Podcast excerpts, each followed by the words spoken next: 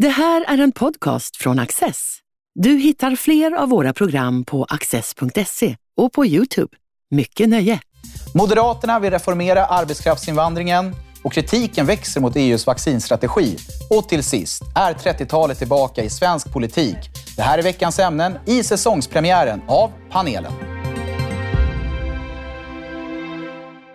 Karin Svanborg Sjövall, du är författare och krönikör i Dagens Nyheter. Erik Hörstadius, du är journalist och författare. Och Susanna Kierkegaard, du är ledarskribent i Dagens Arena. Varmt välkommen alla tre, säger jag till er. Tack. Moderaterna vill se ett slut på den lågkvalificerade arbetskraftsinvandringen. Ett inkomstkrav på 31 700 kronor i månaden har därför föreslagits för den som vill arbeta i Sverige och som kommer från ett land utanför EU. Syftet är att stävja fusk och kriminalitet. Det menar i alla fall partiets migrations och socialförsäkringspolitiska talesperson Maria Malmer Stenergard. Karin, är Moderaterna inne på rätt spår med det här förslaget eller har de förförts av locktonerna från LO? Nej, jag tycker inte att de är på rätt spår. Jag tycker det här är ett dåligt förslag. Eh, dels på principiella grunder. Det har ju varit en en särskiljande faktor för borgerligheten att man ändå har tyckt att det har varit upp till näringslivet självt att bestämma vilken typ av kompetens man behöver. Men jag tycker också att det är ett slag mot en arbetslinje som har varit väldigt mycket av Moderaternas signum och som de faktiskt skrev om sist i sitt idéprogram. Att Sverige ska vara en plats där man ska kunna komma om man vill och kan försörja sig själv. Jag tycker inte heller att det är proportionerligt. Ingen har ju någonting emot att man vidtar åtgärder för att stävja fusk. Men fusket är ju dels ganska koncentrerat till enskilda branscher. Då kanske det är dem man ska titta på. Och det här kommer få konsekvenser för väldigt många branscher där man behöver arbetskraft. Och har man då inte ett väldigt statiskt sätt att se på arbetsmarknaden, där man tror att människor är utbytbara hur som helst, så kan jag inte riktigt se vad det stora värdet i det här förslaget ligger i. Vad säger du, Erik? Eh, jag förstår ju verkligen vad Moderaterna gör här. Det, det, det, det, är ju en ständig signalpolitik om att strama åt invandringen. Delvis för att så att säga, täcka upp flanken mot SD, men också en genuin oro över, över om vi klarar av våra liksom, välfärds och, och invandringsåtaganden. När det gäller just det här specifika förslaget så är det ju... Eh, jag kan i viss mån hålla med dig om att, att det, det är fusket. Eh, man, det pågått handel om med arbetstillstånd. Eh, personlig assistans har man öst in människor som på ett oseriöst sätt. Och det är klart att önskvärt vore att tajta till fusket eh, jämfört med att, så att säga, göra det väldigt svårt för människor att anställa någon för 25 000 kronor. Den här gränsen på 31 000 tycker jag låter väldigt högt i månaden. Eh, men den, den, stora poängen här är väl att från 2015 blev det väldigt klart då för Sverige att vi har problem med integrationen, med stor eh, arbetslöshet hos människor som bo, redan bor här. Och det är klart att, att det som gör att man tajtar till flödet in borde göra det lite lättare att få ordning på det, de problem som finns här. Och Sen så ska vi också tala om det så kallade spårbytet. Det pågår nu att man försöker skaffa sig asyl på ganska oseriösa grunder, men under processen så kan man då stanna kvar i Sverige och försöka få arbetskraftstillstånd och så kan det bli en anhöriginvandring kopplad till det. Och eh, det här är ju inte samma sak som fusk, men det är också, kan säga, det stämmer inte med intentionerna med reformen. Så att de här, alltså på båda sidorna av blockgränsen har man vårdat den här reformen väldigt dåligt. Eh, och det är lite desperat kanske att höja inkomstgränsen till 31 000, men, men det är ett resultat av att man har vårdat denna reform alldeles, alldeles dåligt sätt. Det är desperat, säger Erik. Vad säger Susanna?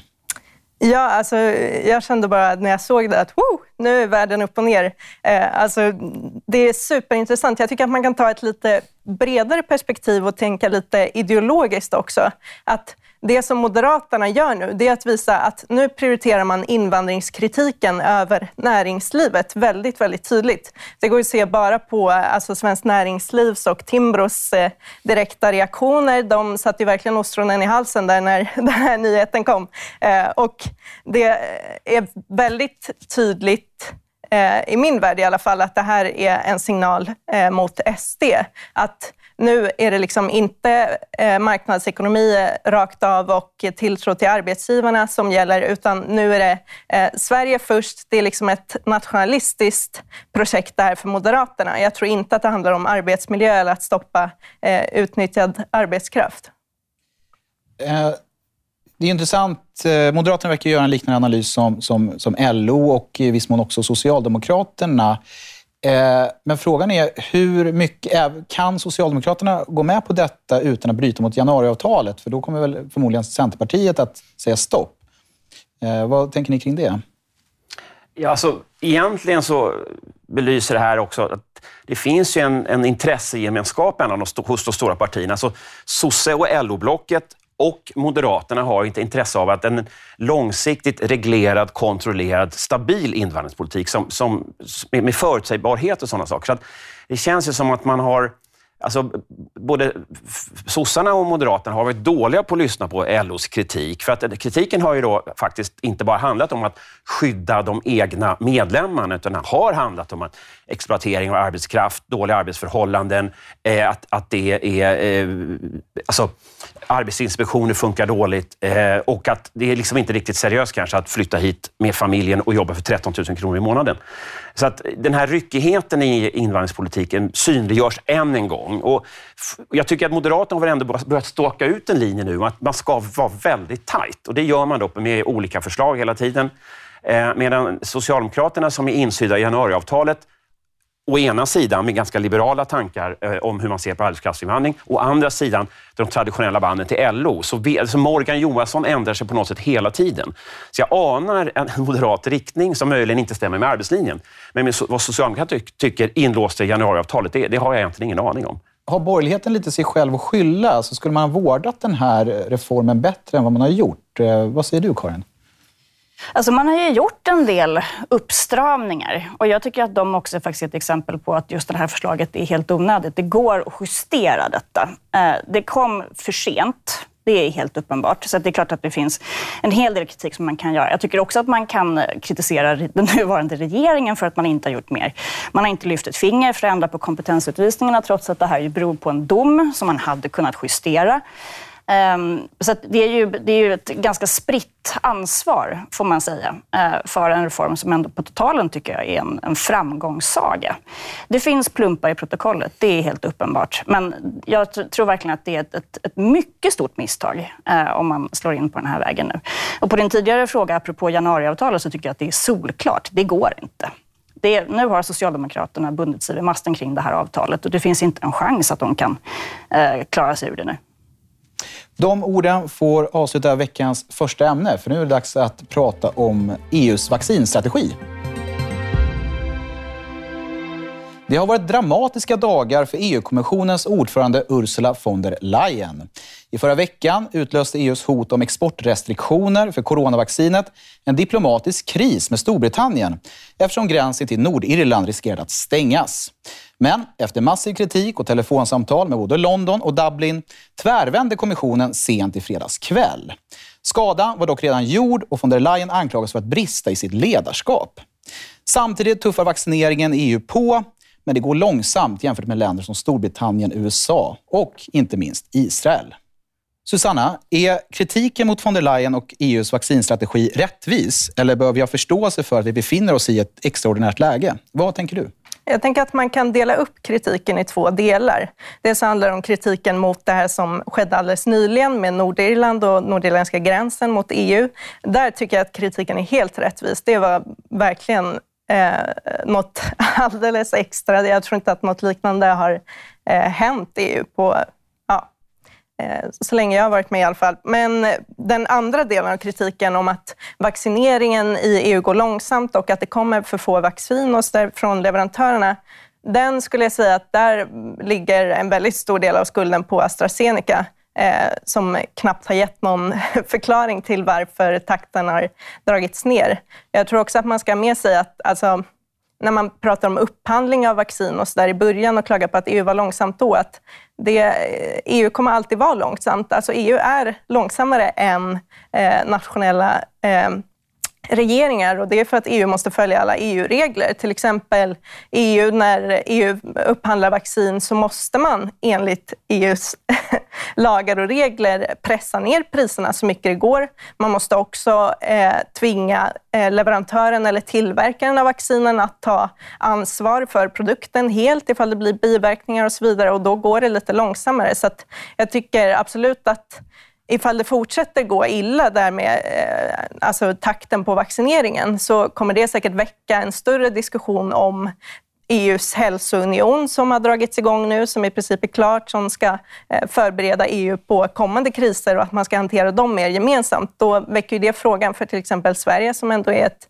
litet land i sammanhanget. Ska vi hänga på på det eller skulle vi klara av att göra det eh, snabbare och mer effektivt själva? Intressant. Vad säger Karin? Nej, men jag, jag håller nog till stora delar med Susanna. Alltså den här eh, frågan om exportförbudet och Nordirland är ju liksom det största magplask jag har sett eh, EU begå. Eh, och det har ändå varit ganska, ganska, många, ganska mycket snubbel de senaste tio åren. Eh, och där har man ju fått backa också, så att inte ens kommissionen själv eh, har ju liksom framhärdat i att det här var rätt, utan man har ju, man har ju pudlat eh, på den här fronten. Och hur det gick till tror jag att det kommer att ta ett par veckor till innan man får lite klarhet i. Samtidigt så ska det ju ändå sägas att i grund och botten så finns det ett väldigt bra argument för att man inte ska ägna sig åt vaccinnationalism. Och att om priset är att det tar lite längre tid så finns det fortfarande ett väldigt starkt argument för att man har med liksom 500 miljoner medborgare, nu något färre då efter, efter Brexit, men fortfarande med ett antal hundra miljoner medborgare ändå har en betydligt bättre förhandlingsmakt gentemot inte minst läkemedelsindustrin, än vad man hade haft om man hade gjort det här själva. Det är en slags upphandlingskartell i praktiken som syftar till att man inte skulle få en överbudspolitik där rika länder var beredda att betala hur mycket som helst med resultatet att fattigare EU-länder inte fick någonting överhuvudtaget. Och det är klart att den risk som låg i potten eh, med ett sånt scenario var ju så pass stor att jag förstår ändå att man har gjort det här och jag tror i grund och botten också att det var rätt. Det som synliggörs nu, det är ju det här eh, ansvarsutkrävandet. Som om, om man hade en mer nationell eh, vaccinpolitik de enskilda länderna gör upphandlingen, då går det att utkräva ansvar för den nationella regeringen och det kan utkrävas då i den allmänna debatten och i nästa val och sådana saker. Här är det då en stor byråkratisk struktur som, som uppenbarligen inte har gjort alla rätt. Och då och är vi återigen den här gamla vanliga EU-kritiken som, som ligger väldigt mycket med att om du har ett brett federalistiskt EU som är en, som Ursula von der Leyen står för, att eh, det, det, finns ju en, jag menar, uppenbart har hon velat eh, ansamla makt i sina händer för det här och av, av naturligtvis goda legitima skäl, så det här med upphandlingskartell och sådana saker. Men, men när det då inte funkar, vem ska vi utkräva ansvar för? Det blir också så att nu kan de nationella regeringen skylla på EU i den mån man själv har misslyckats med vissa, med vissa liksom, Eh, element av, av coronabekämpningen. Och det här är ett demokratiskt problem. Eh, det, det, har ingen, ingen självklar lösning, men jag tycker att det är en varningssignal. Brexit var en varningssignal. Det här är en varningssignal om att alla de krafter som vill göra EU större, bredare eh, och, och talet om en EU-skatt e och sådana saker. Ta det försiktigt, för att det här kan skapa nya legitimitetskriser och i förlängningen demokratikriser. Vad säger du, Susanna? Jag tror inte att eh, man ska blanda ihop det här med EU-skatter. Jag tror att det är lite olika, ja, väldigt olika frågor eh, på EU-nivån. Eh, men däremot, jag tänker allmänt att Sverige bör bli mer aktiva i EU-debatten. Det här är ett väldigt tydligt exempel på det, att svenskar överlag måste få mycket bättre koll på hur EU fungerar. Och jag tänker att, som Karin sa, att vaccination är verkligen ett av de områden där man tänker att EU har en styrka i att vi är så många faktiskt. Eh, det, och en upphandling, en så viktig upphandling kanske inte ska gå fort, eh, kan man också tänka på. Jag tror att det blir intressant däremot att se eh, andra av de diskussioner som kommer sippra ut av det här. Eh, vi pratar till exempel eh, en diskussion som var väldigt aktiv för ett tag sedan om strategiska sektorer som vi borde ha, vad vi borde producera själva i EU. Nu är det här inte riktigt ett sådant fall eftersom att vi faktiskt producerar en del vaccin själva. Eh, men Alltså det väcker en större diskussion om vad EU ska göra och EU-länderna tillsammans ska göra. Eh, för det är ju trots allt vi som är EU. Jag tycker det är inte någon stor Jag tycker ni tar lite lätt på att vaccinet eh, kommer ut sent. För det, Alltså, ju längre det tar innan ekonomin rör sig fritt utifrån att, att tillräckligt många är vaccinerade, det, det, det vållar enorma kostnader. Och visst, vi får lägre pris på vaccin om vi har en upphandlingskartell, men man hade kunnat tänka sig att man, man stöttar de här mindre länderna i sin upphandling utan att behöva göra något sånt centralistiskt stort bygge. Alltså, I den mån eh, eh, ekonomierna kickar igång senare, så kanske det, den kostnaden för det kan mycket väl vara mycket större än den vinst vi gör på billigare vaccin. Och det här, men, men vi vet ju inte. Alltså det, det kanske, maskineriet kanske tickar igång. Och sen så där att AstraZeneca inte kan, eh, inte kan uppfylla sina löften. Eh, vad beror det på? Är det någonting som man ska, det, har det någonting att göra med, med EUs krav eller är det några interna problem? Det är väldigt mycket som ska genomlysas här, så det, det, det är alldeles för tidigt att fälla dom. Men jag, jag, tycker ändå att, att ekonomin nu, nu bromsas i, i att komma igång. Jag är orolig för fotbolls-EM som fotbollsälskare. Alltså, kommer vi ha fullsatta läktare i EM? Jag menar, ju längre vi skjuter upp vaccinering, desto mindre chans att vi får fulla läktare i EM. Viktig aspekt för mig. Sista ordet, Karin. Ja, alltså jag tror, det är ju en massa målkonflikter som står mot, mot varandra. För samtidigt så är det ju så att vi ser ju ett väldigt stort vaccinationsmotstånd på ganska många håll. Och där finns det också en avvägning att göra kring att rulla ut ett vaccin som inte är tillräckligt testat. Vad innebär det för människors benägenhet att faktiskt ta det? Du har ju helt rätt i att, att det är förenat med enorma kostnader att det här tar så lång tid. Men jag tror dels att man ska komma ihåg att det själv tar tid inom EU-apparaten är ju att just EU faktiskt inte är byggt som en hälsounion. Alltså det är det faktum att det ska förankras i alla länder och apropå legitimitetsfrågan dessutom, som gör att det tar lite längre tid, så är ju i någon mening också i en lite hopplös situation där de egentligen inte kan göra någonting rätt. Om det går för fort, då kör de över medlemsländerna. Om det går för långsamt, då har de förankrat för mycket. Hur man än vänder så har man arslet bak. Det, det är väl så vi kan, kan sammanfatta saken. Vi kommer nog få anledning till att återkomma till eh, takten på, på vaccineringen inom EU. Men nu är det dags för veckans tredje ämne. Facklor mot skyn, ljudet av stöveltramp och Twitter-tips om Hitler-dokumentärer. Varningarna från flera socialdemokratiska statsråd om vad som kan hända om Ulf Kristersson blir statsminister med stöd av SD har ljudit högt den senaste tiden.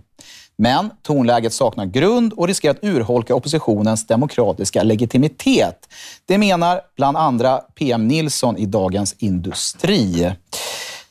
Erik, hur ska vi tolka tonläget från Socialdemokraterna just nu? För säga, du hänvisar till gode PM eh, i Dagens Industri. Alltså det, hela svenska folket håller naturligtvis nästan då, eh, utom någon slags twittrande, chattrande klasser, om att att det, de här varningarna om 30-tal och sånt, det är ju bisarrt överdrivet konstigt. Och det ingår ju i Socialdemokraternas liksom långsiktiga strategi, som man håller på med länge. Att, att eh, man vet ju så här, att om Moderaterna eh, och Kristdemokraterna Eh, inleder någon typ av regeringssamarbete, eh, alltså en regering med stöd av Sverigedemokraterna, då kan de förlora regeringsmakten. Och man vet ju inte vad Liberalerna ställer sig i den frågan nu. Så att de måste brunsmeta, svartmåla Sverigedemokraterna. Och nu använder man eh, stormning av Kapitolium. Det skedde i en annan världsdel. Det var några tusen människor som sprang in där. Eh, och det ska nu tas till intäkt för att Sverigedemokraterna är demokratiskt opolitliga det har inte bevisats på något sätt. Alltså, jag ser Sverigedemokraterna tugga på i kommuner och landstingsfullmäktige och i riksdagen. De tar alltid avstånd från våld. De är inte prövade som samarbetspartner seriöst i rikspolitiken. Man pratar mer om nu, men det har inte, organiserat samarbete har inte skett. Om de inte klarar av det, visst, då ska vi väl sluta samarbeta med dem. Men det är helt obevisat. Så det här är klassisk eh, svart, svartmålning, brunsmetning för, för sossarna för att behålla makten. Och sen ska jag säga så också att ehm, eh, eh, alltså Sverigedemokraterna som, som gick lite sämre i förra valet 2018 än man trodde, de berättade ju efteråt alltså hur fantastiskt skickligt sossemaskineriet var på att demonisera och svartmåla. De, de talade nästan beundrande om den här fienden, när den rullar igång, då är man ganska chanslös. Och, och, men frågan är om det håller i valet 2022. För att, alltså, Sverigedemokraterna har ju sagt som, som svenska folket i 30 år, det är enligt alla undersökningar, att man måste liksom minska, bromsa invandringen. Att det partiet som har stått i samklang med svenska folket inte ska ses som en legitim sam, samtalspartner är för mig jättekonstigt. Vad tänker du, Karin? Att det finns realpolitiska eller maktpolitiska skäl för Socialdemokraterna att rulla ut den här rätt formidabla kampanjen, det tror jag är ställt bortom allt tvivel. Eh, och jag kan hålla med om att det är rätt problematiskt att utmana oppositionen på det här sättet. Men jag tycker också att det är problematiskt i en annan bemärkelse. Det handlar ju också om att jag tror att det har liksom nått en sån, det har varit en sån tonartshöjning de senaste månaderna att jag tror att man i praktiken håller på att vaccinera delar av borgerligheten eh, helt och hållet från ett hot som jag ändå menar så att, man, att man inte ska vifta undan helt och hållet. Eh, jag tror inte att en borgerlig regering med Kristersson i spetsen kommer att ge sig på våra domstolar eller ta oss ut ur EU eller avskaffa den liberala demokratin. Men Sverigedemokraterna är ett parti, inte bara med konstiga rötter utan också med rätt underliga instinkter. Eh, och jag tror inte att det är... Alltså, liksom den debatten tjänar inte heller på att man, att man liksom leker med den här frågan på det sätt som jag tycker att man gör just nu. Och det, tycker, det, är, liksom, det är oansvarigt. Susanna?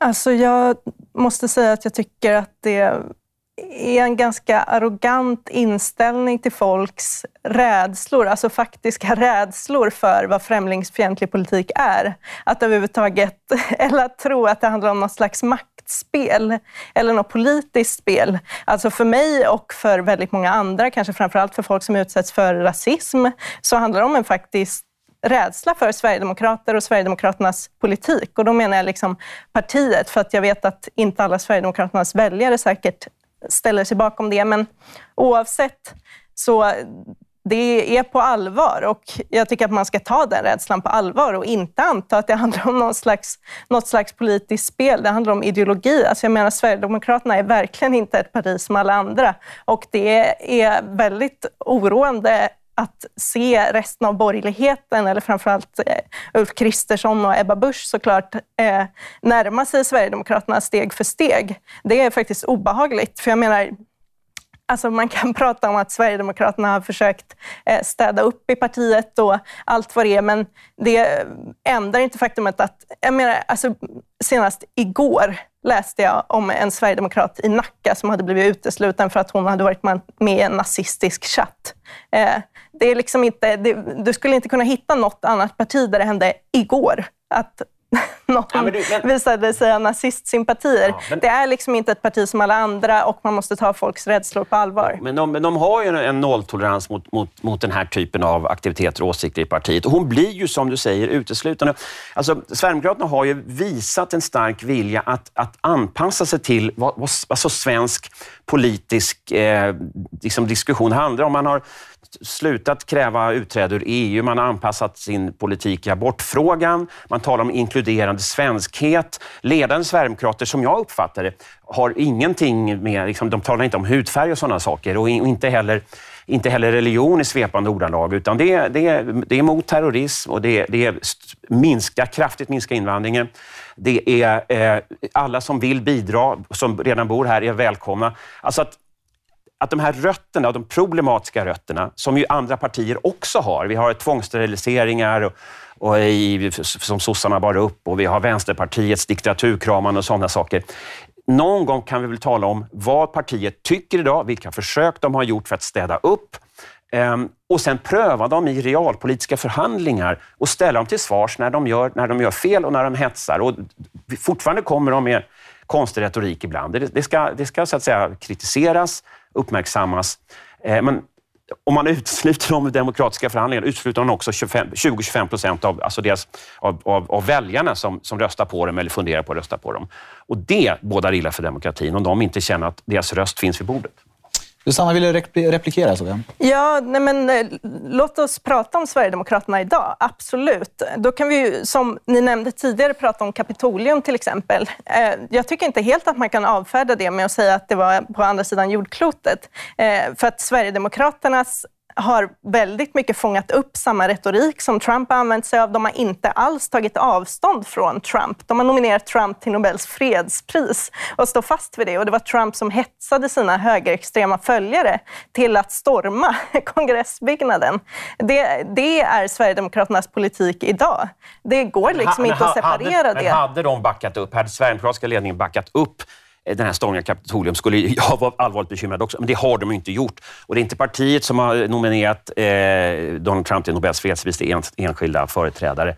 Eh, och, och eh, ja, alltså... Det, det, det, är jättefantastiskt med Kapitolium och jämförelse med 30-talet och så vidare. För alla de som vill isolera Sverigedemokraterna och säga att de ska inte få vara med och påverka svensk politik.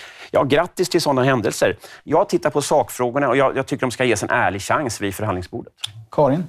Men framförallt, framförallt så är den här isolationsstrategin är ju redan, är ju redan överspelad. Alltså om man jämför med hur Socialdemokraterna behandlade Vänsterpartiet fram till ganska nyligen. Alltså man lät dem inte sitta med i försvarspolitiska beredningar, eh, man höll dem borta från enskilda utskott och så. Så behandlar man ju inte Sverigedemokraterna idag. Så att i praktiken så är ju redan Sverigedemokraterna med i det parlamentariska spelet på ett sätt som man inte tidigare har tillåtit partier där man har haft liksom, frågetecken kring deras demokratiska trovärdighet.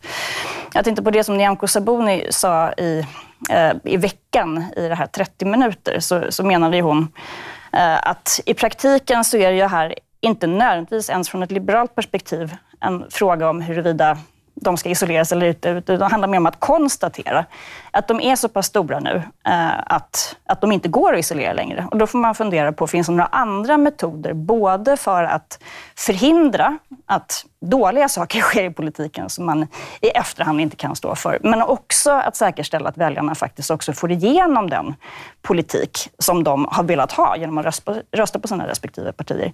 Så hitta en ny balans där.